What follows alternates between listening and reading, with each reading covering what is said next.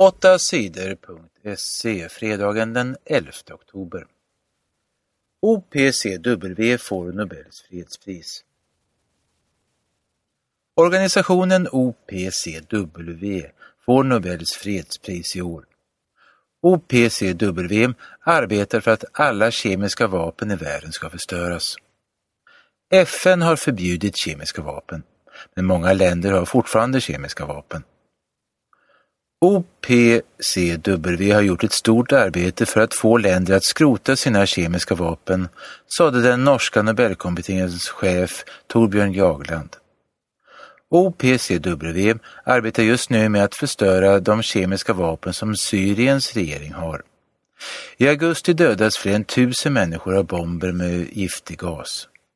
Senare gick Syriens ledare Bashar al-Assad med på att låta FN och OPCW förstöra landets kemiska vapen. 8 sidor TT. Ikväll spelar Sverige årets viktigaste match. Ikväll smäller det. Sverige möter Österrike i VM-kvalet i fotboll.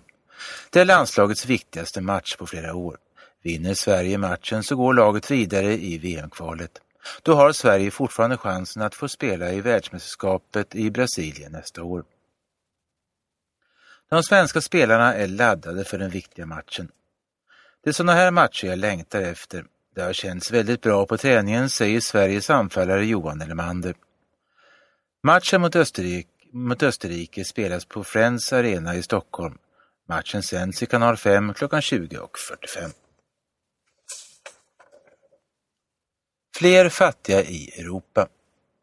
Den ekonomiska krisen i EU har gjort så att många människor har blivit arbetslösa. Det är den värsta krisen på 60 år. Miljoner människor i EU har blivit fattiga. De har väldigt lite pengar. De har svårt att betala för sjukvård, mediciner och andra viktiga saker. Fler än tre miljoner människor står varje dag i kö för att få gratis mat. Det skriver organisationen Röda Korset i en ny rapport. Röda Korset vill att politikerna ska göra mer för att ordna nya jobb. När många blir fattiga är risken stor att folk blir mer fientliga mot invandrare, tror Röda Korset. Forskaren Stefan de Wilder är också orolig. Det finns väldigt många människor som fått det mycket sämre de senaste åren, säger han. LDB Malmö byter namn till Rosengård. LDB Malmö är på väg att bli svenska mästare i fotboll för damer. Men nästa år byter laget troligen namn. Laget ska heta FC Rosengård. Rosengård är den stadsdel där fotbollsstjärnan Zlatan växte upp. Flera andra bra fotbollsspelare kommer från Rosengård. Men området är också känt för problem. Många som bor där är utan jobb och det har ofta varit bråk där. Rosengård är känd för både bra och dåliga saker, säger Malmös klubbchef Niklas Karlnén. LDB Malmö vann på torsdagen mot Lilleström från Norge i Champions League. Malmö vann med 3-1 på bortaplan.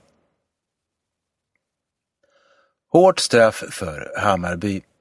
Det blev bråk när Hammarby mötte Gais i fotboll för en månad sedan.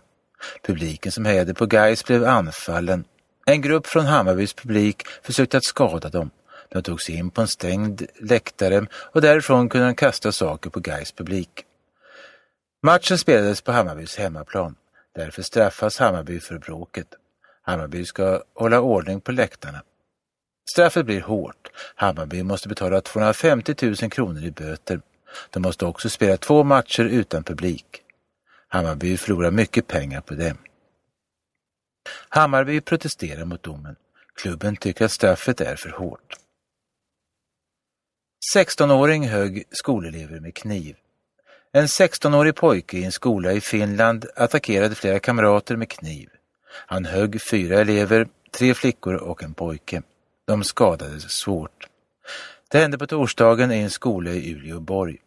Skolpersonal tog fast 16-åringen i skolans matsal. Pojken har sagt till poliserna att det var han som knivhögg de fyra eleverna.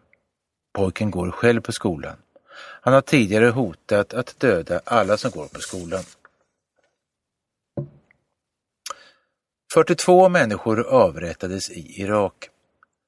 Terrorister har sprängt massor med bomber i landet Irak de senaste månaderna. Fler än 6 000 människor har dödats i år. Poliserna i Irak har fångat en del av de misstänkta terroristerna. Många av dem har dömts till döden. Den här veckan har 42 människor avrättats i Irak. De hängdes. Förra månaden avrättades 23 dödsdömda terrorister i Irak. EU, FN och flera andra organisationer protesterar mot avrättningarna.